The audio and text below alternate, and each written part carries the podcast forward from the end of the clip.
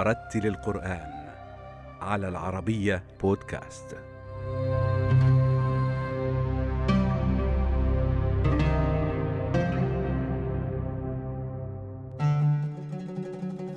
ولد القارئ الإسباني من أصول مغربية إسماعيل الهبطي في مدينة طنجة منتصف التسعينيات في أسرة مغربية عريقة تتوارث حفظ القرآن الكريم جيلا بعد جيل عاش طفولته في كنف والدته وأعمامه حينما كان والده القارئ أحمد الهبطي مهاجرا في أوروبا.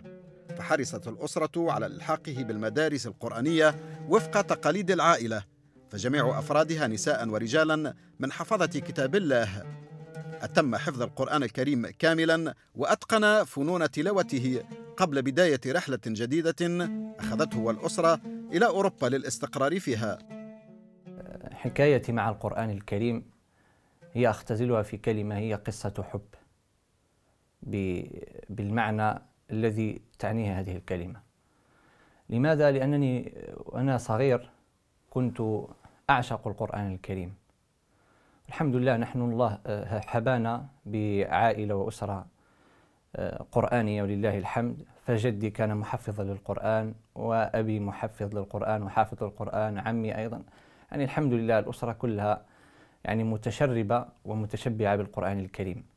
فمن البديهي أن يكون هذا هذا الحب في هذا الطفل وهو في السن السابعة أو الثامنة. آه كنت يعني دائما أريد أن أصبح يوما ما حاملا لكتاب الله. وأنا أتذكر في هذه اللحظة وأنا صغير كنت أحمل دفتي المصحف وأقول في نفسي هل بإمكاني يوما ما أن أحمل هذا الكتاب في صدري. وأنا طفل صغير. فلله الحمد والمنة آه، رزقنا الله بهذه الهداية الربانية. فطلبت من والدتي أن تسجلني في مدرسة النور في مدرسة عمي المبارك. نسأل الله عز وجل أن يبارك في أعماله ومجهوداته. هذه المدرسة التي تخرج منها الطلبة كثر. فتسجلنا وقبل ذلك سجلتنا أمي في المسيد عند الشيخ آه، سيدي محمد الجباري بارك الله في عمره وفي أولاده هو الذي لقننا أبجديات العربية وأبجديات التعليم المغربي وتحفيظ القرآن الكريم. هو الذي بدأ معنا من الصفر. يعني ذهبنا ويعني نحن أطفال سبع سنين. لا يعني لا نجيد الكتابة ولا القراءة فعلمنا بالطريقة المغربية باللوح والمداد. وتعلمنا عنده الكتابة على الطريقة المغربية. أيضا آه، حفظنا عنده إلى حوالي 11 حزبا ما يعادل ستة أجزاء. فكانت هذه هي الانطلاقة. ثم بعد ذلك تسجلنا وذهبنا إلى مدرسة عمنا حيث كانت الانطلاقة آه، الطويلة والتي لا زالت إلى يومنا هذا. إن شاء الله ستستمر مع القرآن الكريم. نحن كنا ندرس في المدرسة و ولله الحمد سبحان الله يعني أقدار الله سبحانه وتعالى يتصرف في في عباده كيف يشاء. الوالد كان يتواجد في أوروبا لأزيد من من 13 سنة آنذاك. وفي غضون هذه هذه السنوات كان يحاول جهد الإمكان سبحان الله ونحن ما زلنا صغارا ما زلنا لم نحفظ القرآن بعد كان يحاول أن, أن يأتي بنا إلى هنا ونعيش معه في, في أوروبا وأنذاك كان يستقر في, في هولندا. ولكن سبحان الله كل مرة يخرج سبب وتتعطل الأمور ولا يتم هذا هذا الجمع جمع الشمل. الوالد كان في أوروبا هنا ونحن كنا في المغرب مع الوالدة حفظها الله. فكان دائما هذه المحاولات تتكرر وتتكرر ولا ولا نتيجة. وكنا نتساءل صراحة يعني خصوصا الوالدة كانت تتساءل تقول سبحان الله كيف يعني هذا الأمر يتعثر في كل في كل مرة؟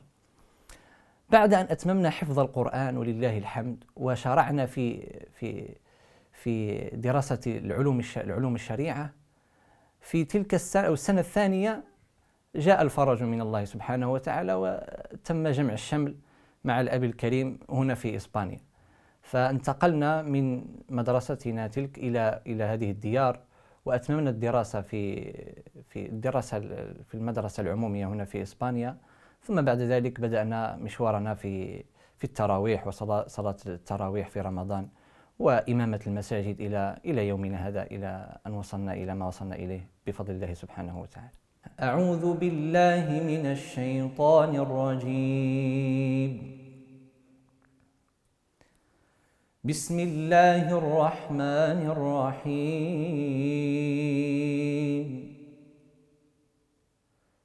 لا أقسم بيوم القيامة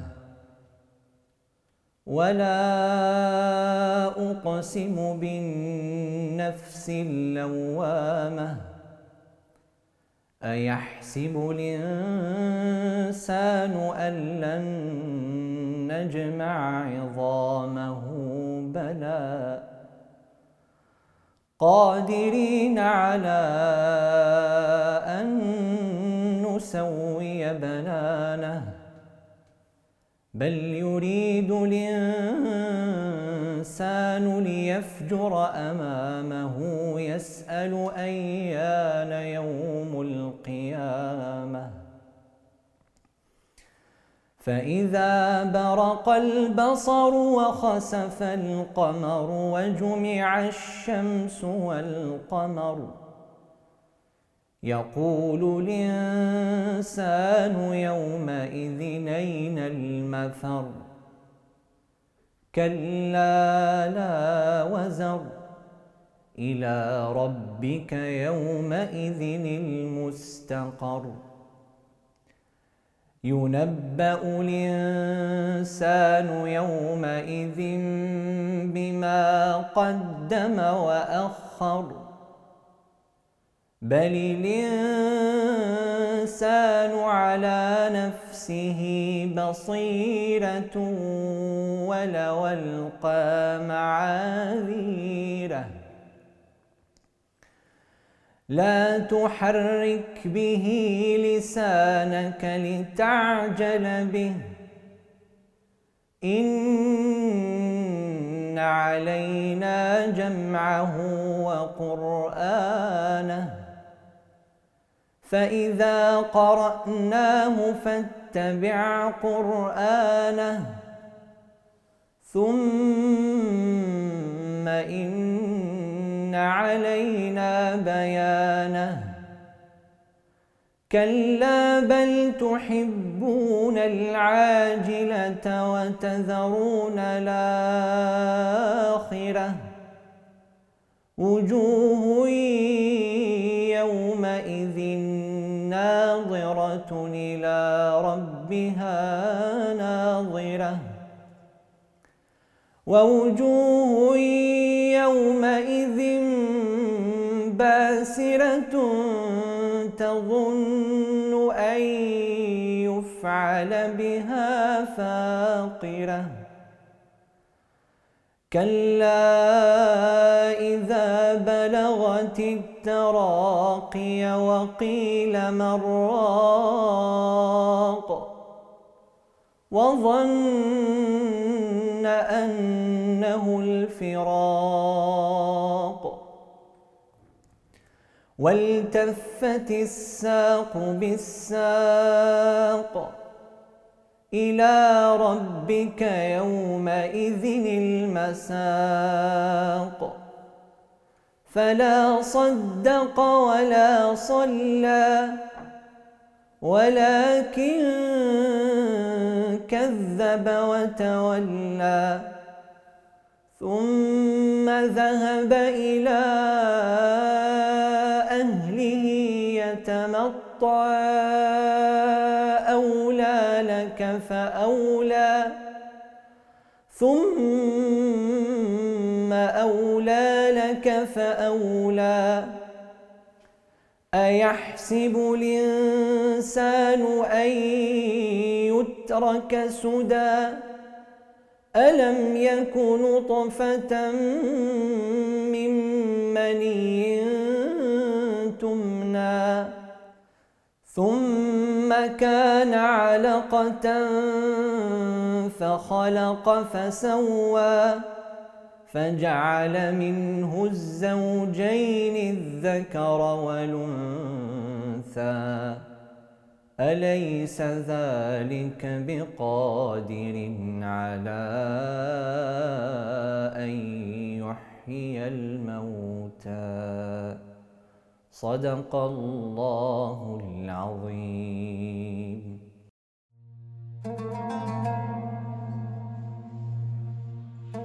قبل وصوله إلى إسبانيا واستقراره في مدينة برشلونة إماما وخطيبا ومدرسا للقرآن الكريم تجول القارئ إسماعيل الهبتي في عدد من المدن الأوروبية برفقة والده وشيخه متنقلا بين مساجدها ومراكزها الإسلامية قبل استقراره إماما بأحد مساجد عاصمة كتالونيا حيث تعد الجالية المسلمة فيها من أحدث الجاليات المهاجرة من المغاربة والأسيويين والأفارقة.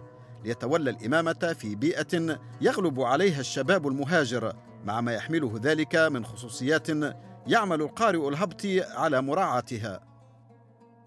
الواقع الإسباني مخالف ومغاير للواقع مثلا الفرنسي أو الألماني أو الهولندي آه، لسبب وجيه وهو أن الجالية المسلمة بصفة عامة تعيش في في البلدان الأخرى غير إسبانيا تعيش الأجيال الثالثة والرابعة بحيث أن تجد الأب أو الأم انولد في في في ذلك البلد. بخلاف إسبانيا نحن ما زلنا نعيش الجيل الأول أو الثاني على الأغلب. فالهجرة إلى إسبانيا هجرة حديثة لم ما عندهاش زمن وعندها مدة طويلة. فلذلك نجد أن في الدول الأوروبية الأخرى المساجد مهيئة تهيئا جميلا والناس يعني آه، حتى الإسلام انتشر في تلك البلدان بفعل هذا بفعل تكاثر آه، أبناء المسلمين وانسجام الأجيال مع بعضها البعض.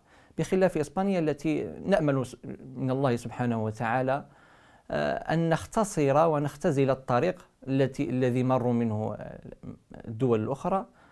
ويعني إن شاء الله نكون نحن هذا الجيل الأول أو الجيل الثاني آه، نكون خير مثال وخير دعاء إلى الله سبحانه وتعالى في هذه البلاد. بالنسبة للإمام آه، تحدياته في أوروبا أو في إسبانيا بالخصوص آه، هي غير التحديات التي تكون في البلدان العربية أو أو في في بلدان أخرى. فمن بين التحديات اللغة. الله سبحانه وتعالى يقول في القرآن الكريم وما أرسلنا من رسول إلا بلسان قومه ليبين لهم.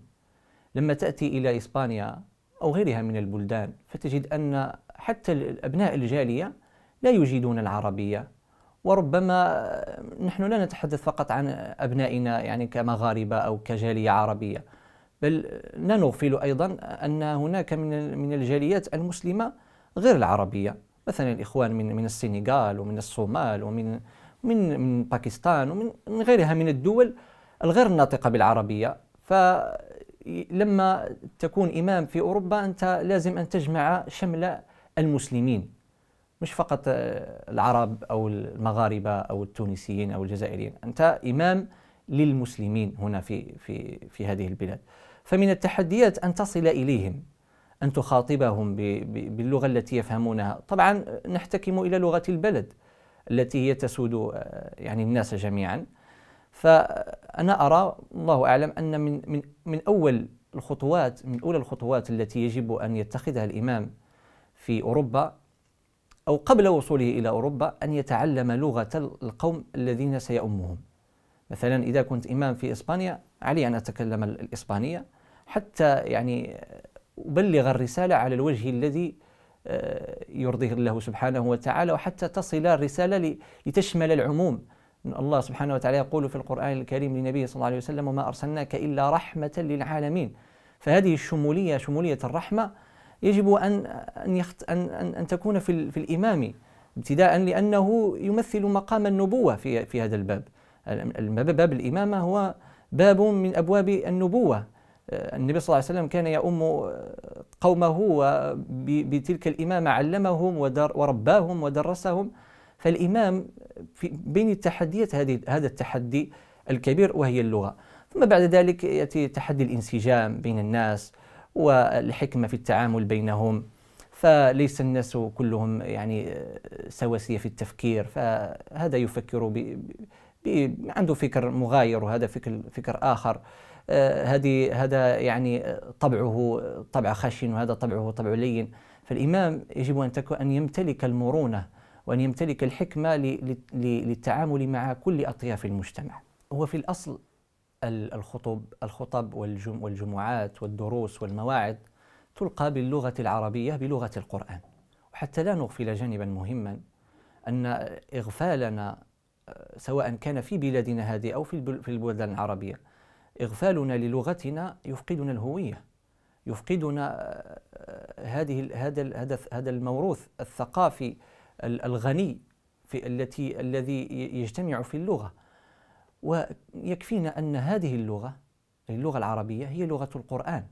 أنا أستحضر الآن قصة وقعت لي مع أحد أحد التلامذة عندي من من دول إفريقيا.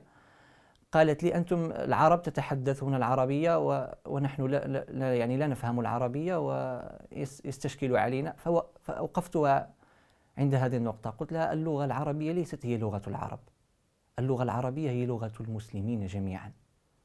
هي لغة المسلمين. ما دام أن الله سبحانه وتعالى أنزل هذا الكتاب بهذه اللغة وقال للنبي صلى الله عليه وسلم وما أرسلناك إلا رحمة للعالمين فهذه الرحمة وهذا القرآن الذي يحوي هذه الرحمة هو للعالمين. فبالتالي أنا كمسلم بغض النظر عن جنسيتي وعن هويتي الثقافية أنا ملزم أن أتعلم اللغة العربية حتى أت... يعني أقرأ القرآن الكريم وحتى يعني أتعلم آه، أحكام الدين. فابتداء الدروس والخطب تلقى باللغة العربية. لكن من جانب أن أن أن يختزل الإنسان الوقت. نحن الآن نتحدث من جانب جانب الأطفال الصغار عليهم أن أن يتحدثوا اللغة العربية وأن الآباء عليهم مسؤولية عظيمة أن يسجلوا أبنائهم في مدارس ومساجد التي تقوم بهذا الشأن بتدريس اللغة العربية لأنها لغة القرآن واللغة التي يخاطب الله بها أهل الجنة. لكن مثلا الرجل عنده 70 سنة 60 سنة كيف يعني عاد يبدأ يبدأ يتعلم اللغة من جديد؟ أو فنختزل للأمور التي تكون مستعجلة. مثلا لرسائل مهمة يجب أن تصل في حينها. حين حينئذ تستعمل لغة البلد. تستعمل الإسبانية في إسبانيا أو تستعمل. لكن المشهور الآن والمعروف أن في في في بلدان الأوروبية أغلب المساجد تقوم بترجمة آه، الخطب والدروس والمواعظ إلى غير ذلك. من بابها من هذا الباب من باب شمولية هذا الخير ليصل إلى أكثر الناس. فأنا أرى الله أعلم أن هذا هذا الباب يجب أن يكون دون إغفال الباب الأعظم وهو تعلم اللغة العربية للمسلمين جميعا. بالنسبة للتراويح هنا لله الحمد يعني الناس مهتمة ويعني متشوقة وخصوصا في هذه في في بلد الغربة يعني يفتقدون لتلك الأجواء الربانية خصوصا في رمضان آه، لما يجتمع المسلمين ويصلون وراء إمام ويعني ويعيشون تلك الأجواء ويقيمون بإفطار في المسجد وإلى غير ذلك. كل هذه الأجواء آه، الإيمانية الربانية تذكرهم وتحيي فيهم ذلك الشوق وذلك الحنين إلى البلد وإلى آه، إلى حضرة المسلمين. فبالنسبة لي أنا عشت هنا أكثر من أزيد من من عشر رمضانات وكلها كانت آه، ممتازة ولله الحمد. آه، كانت أجواء ربانية كان الناس يعني يأتون ويصلون ويصبرون رغم أننا يعني لا نغفل أمرا مهما هو الواقع الذي يعيشه الناس هنا يعني رمضان يعني ليس شهر شهر العطلة للناس فتجد الناس يأتي, يأتي يصلي في, في المسجد صلاة العشاء والتراويح. وغدا يعني في الصباح عنده شغل مثلا في السادسة يشتغل في السادسة صباحا فسبحان الله جعل الله هذا رمضان في الدول خصوصا الدول هذه الأوروبية جهاد للمسلمين ليجاهدوا أنفسهم النوم يكون قليل في رمضان. هذا هو الواقع. أنا أنا عشت رمضان إحدى الرمضانات وأنا أشتغل وأؤم الناس أيضا. يعني أؤم الناس بالليل ويعني أنام سويعات قليلة وبعد ذلك أذهب إلى العمل في الصباح. يعني هذه هذه صورة من صور يعني الصور التي يعيشها المسلم في رمضان في في بلاد الغرب. فنسأل الله عز وجل أن يرفع عنا هذا الوباء حتى نعود إلى مساجدنا إن شاء الله. وتعود الرمضانات والأيام المباركة إلى الخير التي كانت عليه وإلى جمع المسلمين كما كانوا قبل ذلك إن شاء الله. أعوذ بالله من الشيطان الرجيم. بسم الله الرحمن الرحيم. الله لا إله إلا هو الحي القيوم. لا تاخذه سنة ولا نوم. له ما في السماوات وما في الأرض.